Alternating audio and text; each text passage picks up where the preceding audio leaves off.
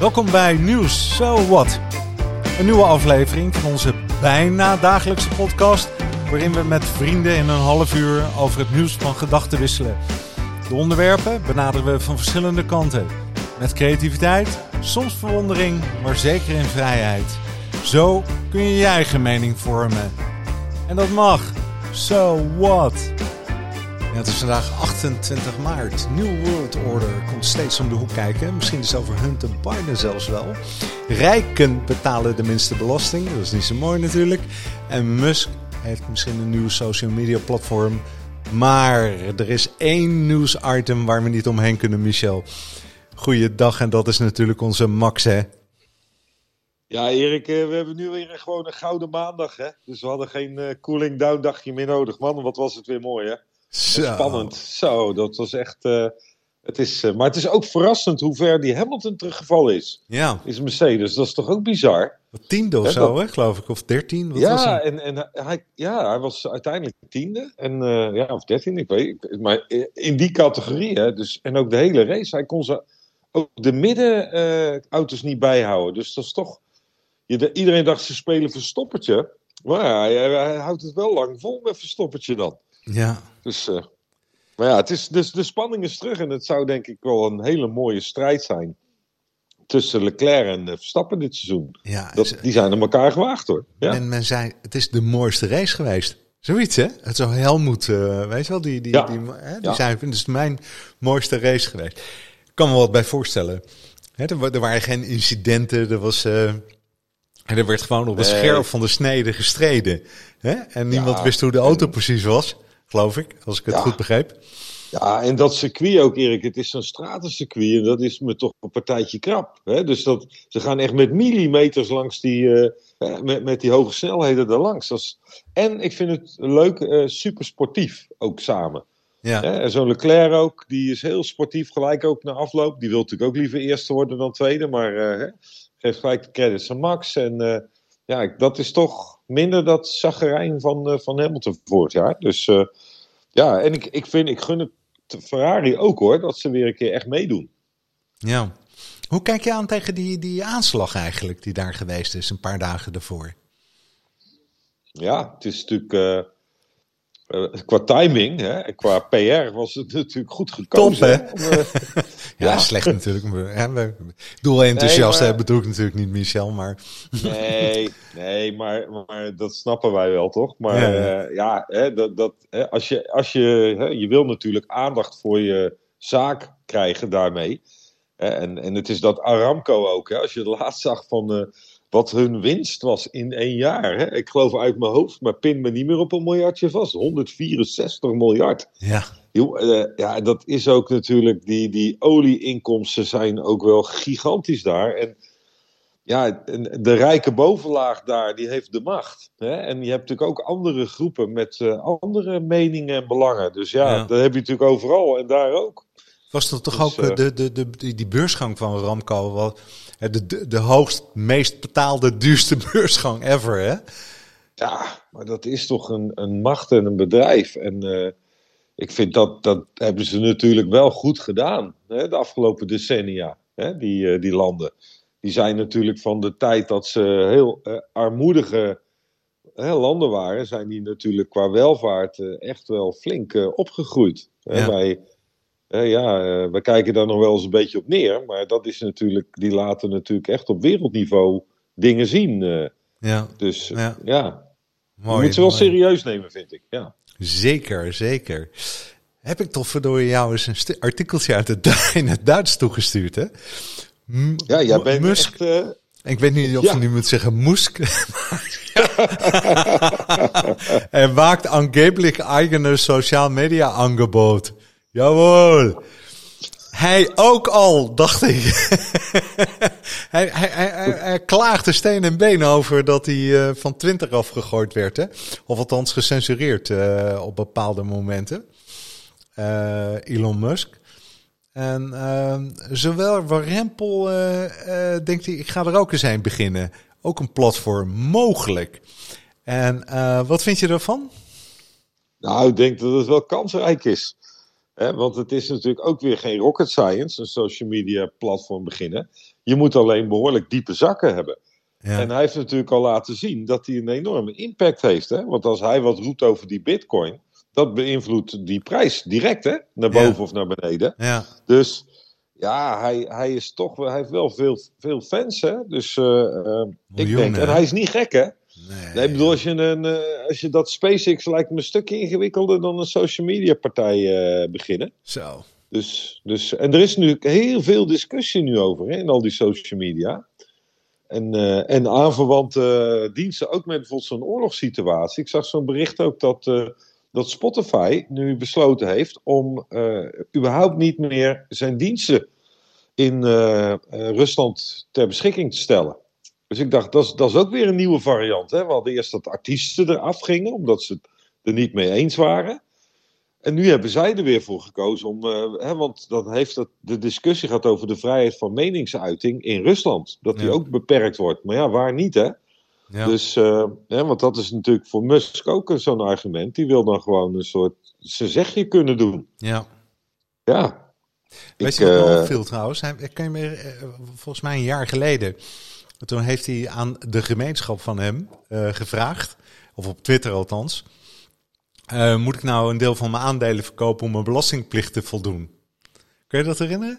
En toen hebben ze gezegd, ja, verkoop het maar. En toen heeft hij vervolgens, weet ik veel, 5% van Tesla verkocht of zo, weet ik wel, zo, zo, zoiets. Hè? En met die opbrengst heeft hij volgens zijn belastingplicht eh, voldaan. Dus hij vroeg aan zijn fans eigenlijk, moet ik, moet ik mijn aandelen verkopen voor een deel? En dat heeft hij, datzelfde heeft hij nu ook gedaan. eh, eh, ze noemen dat in, in ja, een Twitter-umfrage. Eh, hij heeft dus aan zijn gebruikers gevraagd, ehm, hè, moet ik er wat mee? Hè? Moet ik iets nieuws gaan beginnen? Hè, wordt de Ja. vrijheid van meningsuiting beperkt? En dan had 70% eh, gezegd. Hè, eh, hè, het is belangrijk dat je, eh, dat je dit gaat doen. Ik vind het toch wel grappig, hè? Want ik heb trouwens niets meer gehoord van die Donald Trump eh, Truth Social platform. Jij wel? Nee, nog niet. Maar dat kan natuurlijk nog hè, allemaal work in progress zijn. En, maar Erik, jij zei vorige week toch nog van hebben we er niet genoeg van die platformen? Ja. Want, Ja. want dat is natuurlijk telkens de trade-off. Hè? Dus Ja. ja. ja, ik denk wat je wel ziet. Kijk maar eens naar een, een tijdschriftenmarkt of zo. Hè? Daarvan zeiden we op een gegeven moment toch ook print daalt en het zullen wel minder worden. En in tegenstelling hè, worden er alleen maar meer. Dus je ziet wel dat we veel meer naar een soort multiple niche markten gaan. En dat zal voor dit soort platformen ook kunnen zijn. En als je maar een goede, hè, eh, goed bereik hebt hè, van Trump met zijn fans en Musk met zijn fans, dan heb je denk ik wel genoeg schaal hè, om iets goeds neer te zetten. Ja. Dus eh, dan, ja, ik, eh, misschien moeten we maar eh, met allebei gaan fuseren, Erik. Dat is ook nog een idee, hè? Dan hebben ze met nieuws zo wat wel goede content gelijk natuurlijk. Dus Hey, dan, dan gaat het als een raket, hè? wordt toch, ja, het wordt toch tijd voor een mergers and acquisitions afdeling, denk ik, van ons initiatief. Want ja, hè? Dus, ja, je- maar je, hebt, je zit er niet vaak naast, hè? Maar Ik bedoel, jij bent wel een ziener, hè? Ja, maar dit was wel eentje met een knipoog. Hè? Dit was, Oh. dit was, niet dit was geen serieuze fles wijn, Erik. Die bewaar ik voor de echt Stond al in de keuken. Ja, ja. Hey, 1%. Alle rijksten in Nederland betalen gemiddeld relatief minder belasting dan alle andere huishoudens bij elkaar. Dit is een onderwerp eh, wat regelmatig ter sprake is gekomen in onze podcast. Ehm, wat is de moraal? De bovenste 10% die betaalt gemiddeld 36%, de middelste 40%, 40% en de onderste 50, 55%. Dus onderin betaal je verhoudingsgewijs meer. Sessa, wat vind je ervan? Ja, ik zal niet zeggen told you so. Nee, ik ben heel blij met dit bericht. Want wat ik merk is hè, dat, eh, en dan ga ik toch weer eh, Piketty quoten, hè, dat we altijd ons alleen maar richten op het inkomen. Hè, dus eh, de inkomstenbelasting bij mensen. En Erik, de, de mensen in de quote 500 staan daar ook niet vanwege hun jaarlijkse loonstrookje. Die staan Nee. er vanwege vermogen.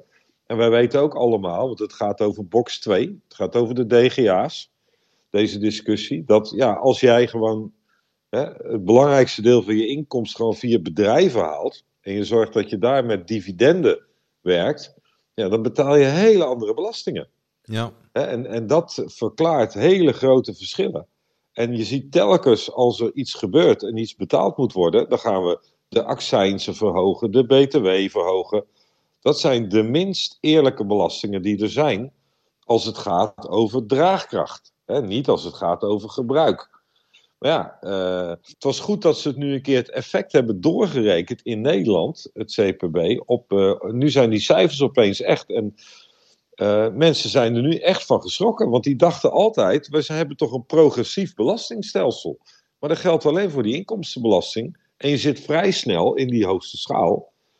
Hè, dan, ja. ja. en we weten al langer, ook uit het boekje van Omzicht dat met die toeslagensystemen we een middencategorie hebben. Dat als je net iets meer gaat verdienen, raak je allemaal toeslagen kwijt. Zijn ook veel te ingewikkeld. Dus er zijn natuurlijk goede plannen om dat hele toeslagenstelsel eens nu te gaan versimpelen. En ik denk ook dat je de verschillen tussen vermogen of inkomsten uit dividenden ook, dat soort dingen, dat je die verschillen veel minder groot moet maken met, met uh, inkomsten uit, uh, uit uit gewoon inkomen. Ja, ik zeg het verkeerd, maar uh, ja. Ja, je hebt geen wat je bedoeld. Uh, VVD wilde er niet aan, geloof ik, hè? Ja, maar die wilde daar nog nooit aan. Maar ja, ik denk dat ze... Kijk, het hele regeerakkoord stond vol met dingen waar de VVD nooit aan wilde.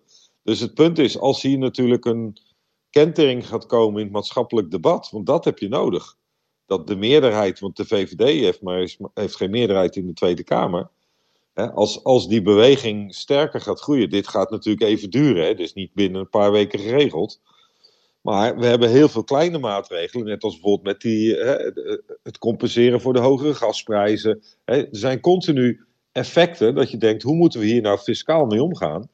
Ja, ik denk dat, ik denk dat hier echt wel wat aan gaan doen, eh, Erik. Ja, dat denk ik ook. Er zijn trouwens 400.000 ondernemers, las ik, hè? Daar ging, daar ging het met name over, hè, in die box 2 uh, ja? discussie. Ja. Vind je dat veel of weinig in Nederland? Ja, nou, het is, dat is best veel. Het is maar net, ik vind eigenlijk, het is maar net wie je dan rekent. Want dan moet je een BV hebben, denk ik dan. Ja. want we, er zijn ook cijfers, Erik, dat we bijna 2 miljoen ZZP'ers hebben. Ja. dus, dus blijkbaar hebben verreweg het merendeel van de ZZP'ers gewoon een eenmanszaak. En dan moet je elk jaar afrekenen bij de belastingen. Dus dan ben je geen uh, luxe ZZP'er. Maar de beetje luxe ZZP'er die heel veel omzet maakt, die heeft al gauw een management BV. Ja. En dan ben je ondernemer. Hè? Dan ben je DGA. En dan, kun je dus, hè, dan kan je zo twee ton verdienen op je BV. Je geeft jezelf een salaris van 48.000 euro. En je keert de rest als dividend uit. Ja. Dan heb je die lage belastingen. Ja, dat is toch niet zo raar. Dat is toch raar eigenlijk dat dat zomaar kan? Ja dat, dat, en dat is natuurlijk een beetje. Je, er, wordt, er werd altijd gezegd dat gaat over bedrijven. Maar we zijn natuurlijk nu een beweging aan het maken van. Ja, maar van wie zijn die bedrijven nou eigenlijk? En hoe lopen nou uiteindelijk via die bedrijven de geldstromen naar de uiteindelijke mensen? Want ook al die oligarchen die overal ontstaan, die ontstaan ook allemaal vanwege dit soort ruimtes. Dat je zegt, ja, maar de belastingen voor bedrijven, dat moet niet te hoog worden, want dat is niet goed voor de economie. Nou, Erik, weet je wat ook niet goed voor de economie is? Dat zijn aandeelhouders die op de korte termijn gericht zijn. Dat is ook niet goed voor de economie. dus ik vind een beleid waarin je het. Uh, want, want zolang je het geld in het bedrijf laat, dan vind ik het geen probleem. Het gaat erom dat je het gaat belasten als je het uit je bedrijf gewoon gaat innen. Ja. Nou, dat vind, ik, uh, dat vind ik eigenlijk een hele gezonde gedachte. Ja. En ook beter dan die vermogensbelastingdiscussie. Want toen wilde het om het simpel te houden wilden we een vast percentage hanteren hè, van dat, die 4% rendement ja. met een percentage. Maar wat je dan hebt, en dat is dus ook door de rechter, is dat gewoon teruggefloten van ja, maar hoezo fictief rendement? Je kan ook negatief rendement hebben. Dus je moet alleen, hè, dus als je het gewoon. Als je alleen spaart, heb je een negatief rendement, ja. Ja, en, en, je hebt ook wel eens dat je als je aandelen hebt, dat ze minder waard worden. Nou, dan betaal je dus even geen belasting, want ze worden minder waard. En misschien kan je ook wel een soort compensabel verlies doen. Hè? Dat als ze iets weer in waarde groeien, dat totdat het eerst waard was, dat je het ook nog niet betaalt. Maar als je dan gaat groeien met je vermogen, dan over de groei ook uh, belasting betalen. Dat is ook helemaal geen gek idee. En dat is hetzelfde met huizen. Er zit ook heel veel waarde in. Je, kunt, je moet daar wel even verstandig mee omgaan. Want dat geld, hè, Elon Musk moest aandelen verkopen om zijn belastingen te kunnen betalen. Ja. Ik vind, dat, zover moeten we niet gaan. Dan moeten Nee. we de timing ook een beetje uitstellen. Maar je kan zeggen, hé, je hebt een huis. En pas bijvoorbeeld op het moment dat je die waarde realiseert, als je het verkoopt, dan ga je gewoon het verschil tussen wat je ooit betaald hebt en waarvoor je het nu verkocht, dat ga je gewoon belasting over betalen. Net als inkomen. Ja. Nou, dan, moet je ze, hè, dan gaat iedereen op zijn lange benen staan, hè, als je dat gaat doen. Maar dat is toch veel eerlijker ten opzichte van mensen die huizen huren. Ja. Ja, dat is En als je- zeker. ja. Hè? En, dan, en dan, dan demp je toch die gekte in de huizenmarkt ook. Tussen gasten die altijd maar leven van huizen kopen en verkopen. Ja. Ja, eens. Helemaal eens. Er stond trouwens een leuk eh, een stukje onder. Dit, dit komt uit nu.nl eh, trouwens, dit, dit, dit stuk, eh, dit berichtje. Ja, het staat natuurlijk in meer kranten, maar dit deel komt uit nu.nl. En onderin stond een, een, een reactie. En eh, dat ging over het volgende. Leuk om even over te hebben.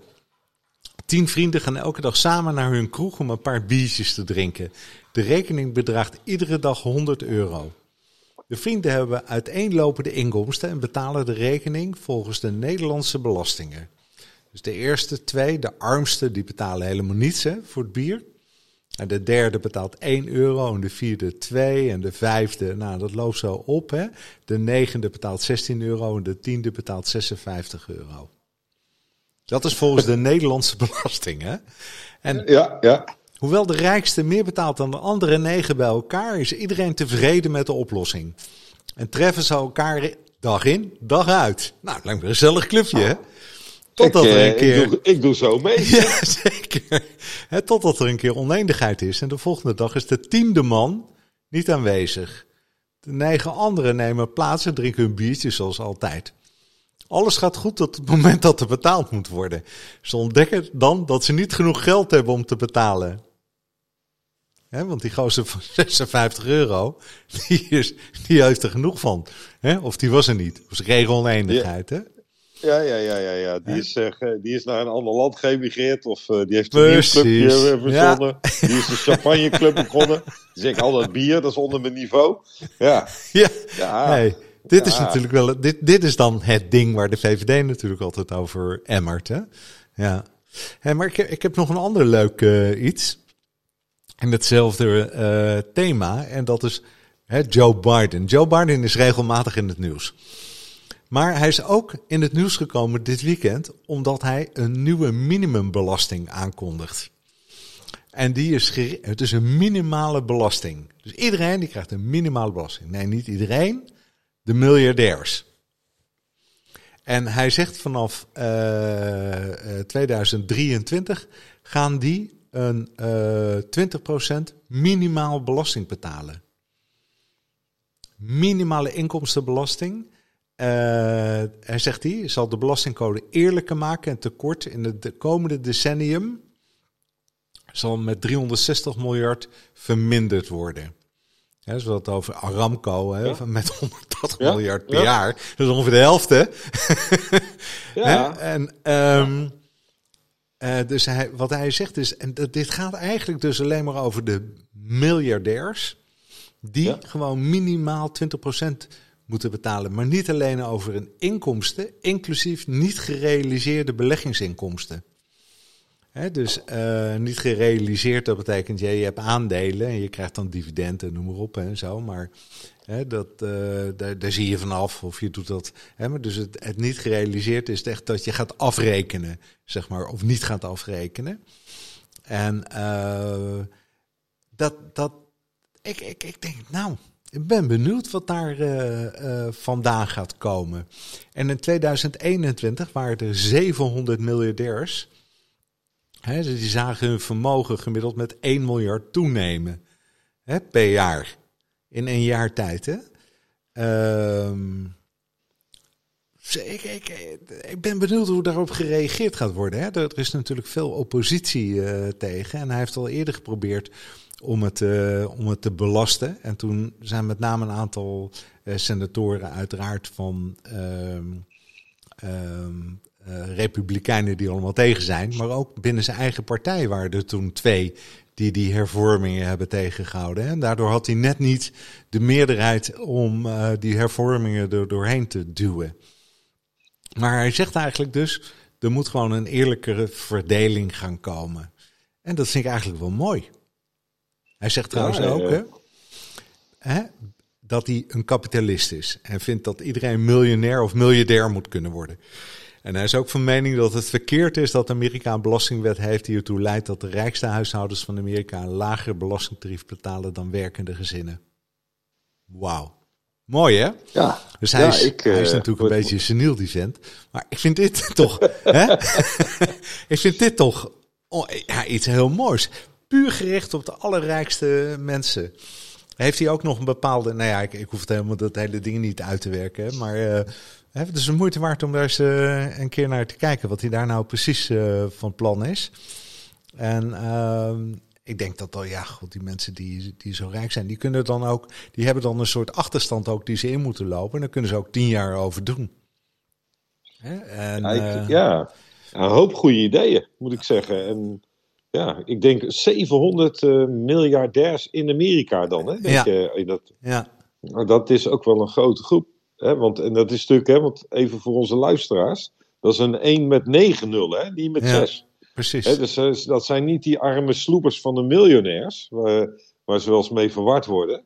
Ja. Hè, want het is natuurlijk, uh, en dan is 20% over dat soort uh, totaalbedragen, dat gaat natuurlijk wel hard. Ja, en als, er dan, als er dan dus maar blijkt dat ze door allerlei trucages en, en, en uitgestelde betalingen, noem maar op, hè, of uitgestelde in, als ze dan met 15% gemiddelde belastingdruk hebben gehad, ja. dan krijgen ze dus een 5% erbovenop omdat ze gewoon minimaal 20% moeten betalen.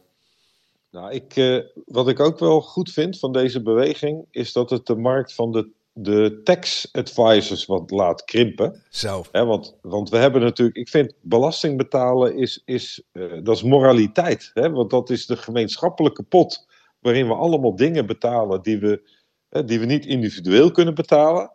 En als je daar continu een spel van maakt om zo, la, zo min mogelijk belasting te betalen, daar, daar zit natuurlijk iets onethisch in. Dus, uh, en zeker uh, voor die uh, miljardairs. En ze hebben zelf natuurlijk al een paar keer, hè, want dat is natuurlijk ook onze Elon Musk zit erbij, hè, en, en het rijtje van de Bill Gates en de Warren Buffett en zo, die hebben natuurlijk al een paar keer gezegd: belast ons nou meer. Wij kunnen het wel dragen hè, op wereldschaal, al die investeringen die nodig zijn voor het klimaat, voor sociale gelijkheid. Dus ik denk dat het een heel goed initiatief is. En de weerstand, die komt dus. Dat is, dat is interessant, hè? Waar komt die dan echt vandaan? Want in ieder geval de meest progressieve miljardairs, zou je kunnen zeggen, daar komt de weerstand niet vandaan. Dus al die senatoren die tegen zijn. Weet je wat ik denk, Erik? Dat die niet eens dat de miljardairs er tegen zijn, maar dat die denken van dat die miljonairs die eronder zitten, denken, ja, als die miljardairs, als die straks allemaal ja zeggen en dat loopt goed, dan zijn wij de volgende die aan de beurt zijn. Ja. En dat is ook zo en natuurlijk. Dan wordt de grens op 100 miljoen gezet, hè? Ja, zeker. Zeker. Hè? Ja, dan, uh, ja. ja. dus, dus ik denk inderdaad dat mensen die, ja, die zullen daar uh, wel bang voor zijn. Ja. maar ik, ik ben blij met de beweging en het is leuk om jou zo enthousiast over te horen. Ja, ja? ja zeker. Hey, maar Biden die heeft natuurlijk wel meer dingen uh, gedaan de afgelopen tijd. Hè? Zo, hij heeft van de week, of een paar weken geleden, nee, ze noemden het, ik las het ergens in de Amerikaanse uh, site hoor, uh, dat hij de grootste blunder heeft begaan doordat hij gezegd heeft dat die Poetin een of andere hondenlul was, die ze zo snel mogelijk van hun plek af moesten halen. Hè? Nou, dat is eigenlijk hij... not done, hè? om maar zo te zeggen. Ja. Hij, hij had niet hondenlul gezegd, maar uh, het was uit het publiek werd er gezegd of hij hem een oorlogsmisdadiger, een war criminal vond. En uh, daar reageerde hij wat spontaan op. Ja, yes, this is a war criminal. En ja, dat is in diplomatie natuurlijk een beetje een sterke uitspraak, om het ja. zo maar te hebben. Ja. ja, ik vond hem juist eigenlijk wel grappig en wel een held, want het is vaak wel het gevoel wat we allemaal hebben. En uh, Poetin zelfs en Trump zouden ook dat soort uitspraken kunnen doen. Ja. Poetin noemt toch ook iedereen nazi's bij ons? Heb je vorige week was wel grappig bij Lubach, Erik. Toen hadden die Russen Die hadden net uh, zich ook kandidaat gesteld om het EK van 2028 te gaan organiseren. Ja. dus, dus dat was wel, ik vond hem wel weer een slimme zet. Ik dacht, uh, er gaat natuurlijk niemand serieus op in. Terwijl Lubach die had een soort fake uh, reclamefilmpje gemaakt namens de Russen van dat event. En toen kwam ze met de poolindeling. En voor elk land, normaal land, stond allemaal nazi. Dus wij zaten met Nederland in de pool. Nazi Nederland zat met nazi Duitsland en nazi België. maar je had ook nog de pool des doods. En daar zat Rusland in met de Oekraïne en Wit-Rusland. En... dus uh, ja, was wel weer briljant, vond ik. Uh... Mooi hè? Nou, ik heb trouwens, is hij nou altijd goed, Lubach? Of, of, of... Want ik heb toevallig van de week één keer gekeken, vorige week. We denken, nou, ik vind het wel grappig, maar nou ja, het is niet meer wat het geweest is in ieder geval, vond ik. Ah, het is elke dag, hè, dus het is ook moeilijk. Dat is, maar dat heb je toch ook met cabaretiers. Niet elke grap is even grappig. Dus, ja, uh, maar ik vind die combinatie van humor met maatschappelijke thema's en de actualiteit vind ik wel interessant. Ook dat ze bijvoorbeeld met die gemeenteraadsverkiezing, nou had je daar in die gemeente Zeewolde, daar was het een, een echt een issue, ging over die datacenters voor Facebook. Hè, wat, wat door al het lobbywerk eigenlijk al was. En de bevolking zat er helemaal niet op te wachten toen hebben ze de partij die tegen was, een soort lokale partij, die heeft toen de ultieme meerderheid gehaald. 10 van de 19 raadzetels. En nu uh, had hij ook wel weer een leuk vervolgdingetje uh, dan op. Dat zelfs de minister nu inderdaad uh, aan het bewegen is. dat, om dat allemaal inderdaad dan toch terug te gaan draaien. Want eerst werd er gezegd, ja, de procedures lopen al en de vergunningen. Maar ik vind wel, als je echt iets niet wil en het gewoon een slecht verhaal is, dan vind ik het ook sterk dat dat, dan zijn die lokale verkiezingen toch ook weer sterk. Ja. Ja, dus ik, dus ik vind dat soort dingen ook in beweging kunnen krijgen. Dus los, los van of je het wel of niet leuk vindt, dat vind ik ook een kwaliteit. Ja, zeker. Dat is ook zo. Wat een mindere kwaliteit is van die Biden, vind ik trouwens dat hij tegenwoordig weer opnieuw begint over die New World Order. Whatever it means. Hè? Eh, wat de we hebben het één keer gehad over Klaus Schwab uh, en, uh, of misschien wel een paar keer. En de Great Reset. Ik begrijp nou niet waarom ze dat, dat iedereen dat woord gebruikt. En iedereen het gaat hebben over, of tenminste iedereen, hè, de, de, de regeringsleiders. Waar, waar het woord een New World Order voorbij komt. Alsof dit het moment is of we structureel uh, uh, misschien wel een andere democratie zouden kunnen gaan inrichten. Ik begrijp niet waarom, die dat de hele, waarom dat de hele tijd boven tafel komt. En het irriteert me ook, merk ik. want we praten over dingen die we niet weten. Onduidelijk is. Wat bedoelen ze er nou mee, New World Order? En uh, Biden begint er ook over. Maar Erik, ik denk, taal is heel belangrijk. Hè? Dus welke woorden je gebruikt. Want je merkt al, je hebt er gelijk, hè? je hebt er emoties heb je ermee. En ik denk, als antwoord op jouw vraag, dat weet Biden helemaal niet. Dus uh, wat we weten is dat hoe het nu gaat op heel veel plekken in de wereld, is niet zoals we het zouden willen. Hè? En daarvoor moet iets in de plaats komen. Hè? En uh, dat geven ze heel veel dan de naam New World Order aan. Als een soort van de opvolger van het neoliberalisme. Hè, waarin ook de gedachten zijn hè, dat van, voor een aantal onderwerpen moeten we toch echt met elkaar op wereldniveau gaan samenwerken. We kunnen een aantal crisissen, zoals een klimaatcrisis, maar ook een veiligheidsthema, kun je niet lokaal oplossen. Dat is gewoon zo. En daar moeten we iets voor ontwikkelen, wat er nog niet is. Maar tegelijkertijd wordt dat New World Order ook een beetje misbruikt hè, om uh, een beeld te schetsen. Dan denk je bijna aan George Orwell, hè, 1984. Van uh, we moeten alles gaan controleren. Hè? Dat zag je ook in dat filmpje wat je had gestuurd over het Europarlement. Ja. dus we moeten wel heel erg gaan oppassen met elkaar dat we niet een soort technocratielaag gaan bouwen die het met elkaar wel allemaal even gaan beslissen. Dat is wat we niet willen. Dus we weten gewoon nog niet hoe het eruit moet komen te zien. Dat heb ik, ik heb het goede nieuwe verhaal nog niet gehoord. En daarmee gebruikt iedereen die term kriskras door elkaar heen. Ja. Want er zijn dus groepen die een hele andere reden hebben, ook een hele andere gedachtslijn hebben, die gebruiken hetzelfde woord. Nou, dat is lekker verwarrend. Hè? Ja. Dus we moeten een nieuwe naam uh, verzinnen. Dat vind ik ook. Kijk, en, en de vernieuwing van de democratie, uh, hè, daar, staat, daar ben ik voor. Ik zag trouwens in dat blad De Optimist, dat er, daar stond een artikel in, uh, dat er een... een um, uh, kijk, wat, normaal gesproken, uh, als je, we hebben net de gemeenteraadsverkiezingen gehad bijvoorbeeld, hè, dan, dan, dan, pakt de grootste partij of twee van de partijen, drie van de partijen, en die zetten de rest buitenspel. En die gaan proberen samen in de gemeenteraad te komen. Hè? En de, ja. vormen een coalitie. En uh, nu is het, geloof ik, al een keer of zeventig gebeurd in Nederland dat, er, dat, dat de verkiezingen zijn geweest. Dat is lekker polariserend natuurlijk, om je te onderscheiden van een ander. Maar dat ze met elkaar een, uh, een soort regeerakkoord maken. Maar met alle partijen bij elkaar. En uh, een soort raadsakkoord wordt dit genoemd. En waar je dus op voorhand al je eigen inbreng kunt hebben en in commissies zitten en vergaderen over de dingen. Om met elkaar proberen om een betere uh, besturing te maken. In plaats van al vanaf het begin. Weet je al, jij bent links, ik rechts. Nou, klaar Kees, we hebben oorlog. Jij zit in de coalitie en jij niet. Dus jij bent altijd tegen. En ja, waarbij in feite de strijd belangrijker is dan het resultaat. Hè? Als ik maar win of als ik maar Hè, uh, mijn, mijn, verkiezingsbeloftes uh, waarmaken of zo. Ja, dat vond ik nou een mooie vernieuwing. Uh, zoals in dat tijdschrift ja, stond, dat artikel. Hartstikke mooi.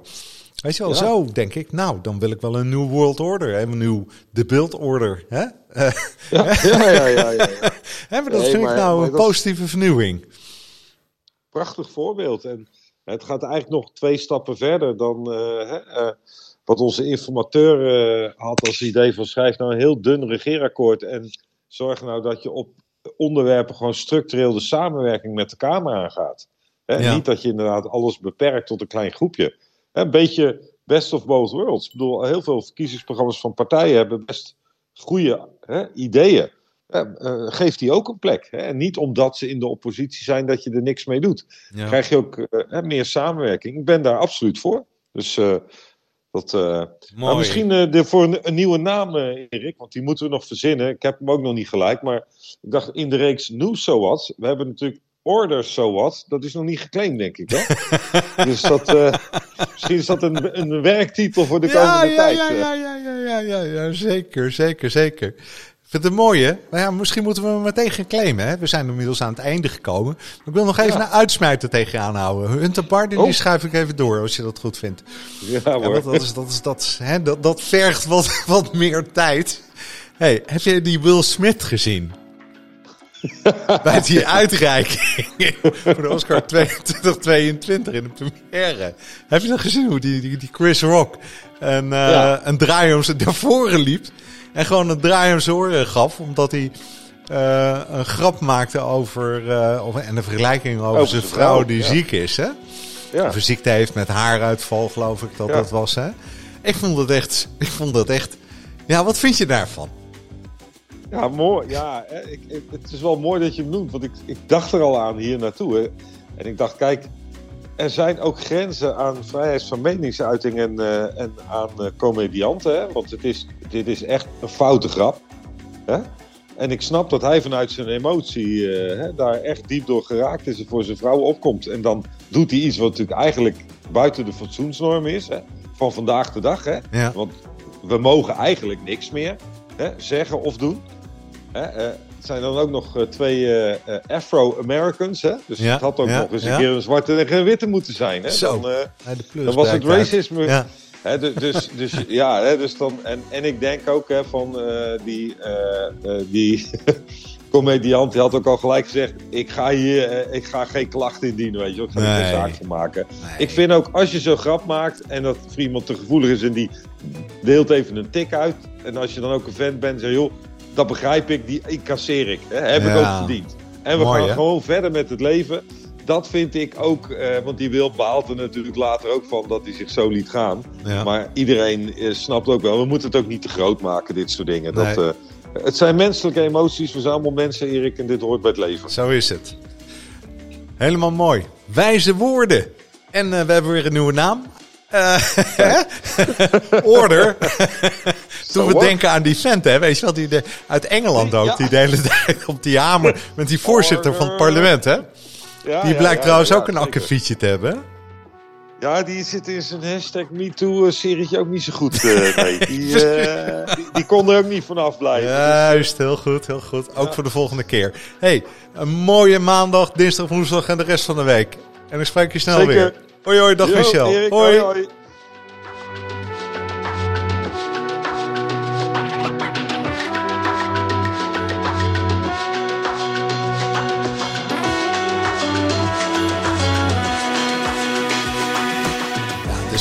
Die, die, Will Smith. Kijk, je kunt er achteraf een bootje eh, huilen en niet huilen. En je slaat elkaar natuurlijk niet. Maar ik, vond het, ik ben het helemaal eens met Michel. Ik vond het ook mooi. En niet als, als, als te zien natuurlijk, of vermakelijk. Hè? Zo bedoel ik dat helemaal niet. Nee, maar gewoon, hey, dit is wat ik vind. En uh, zo zit het in elkaar. Mooi. Meer zeg ik er niet over. Dag.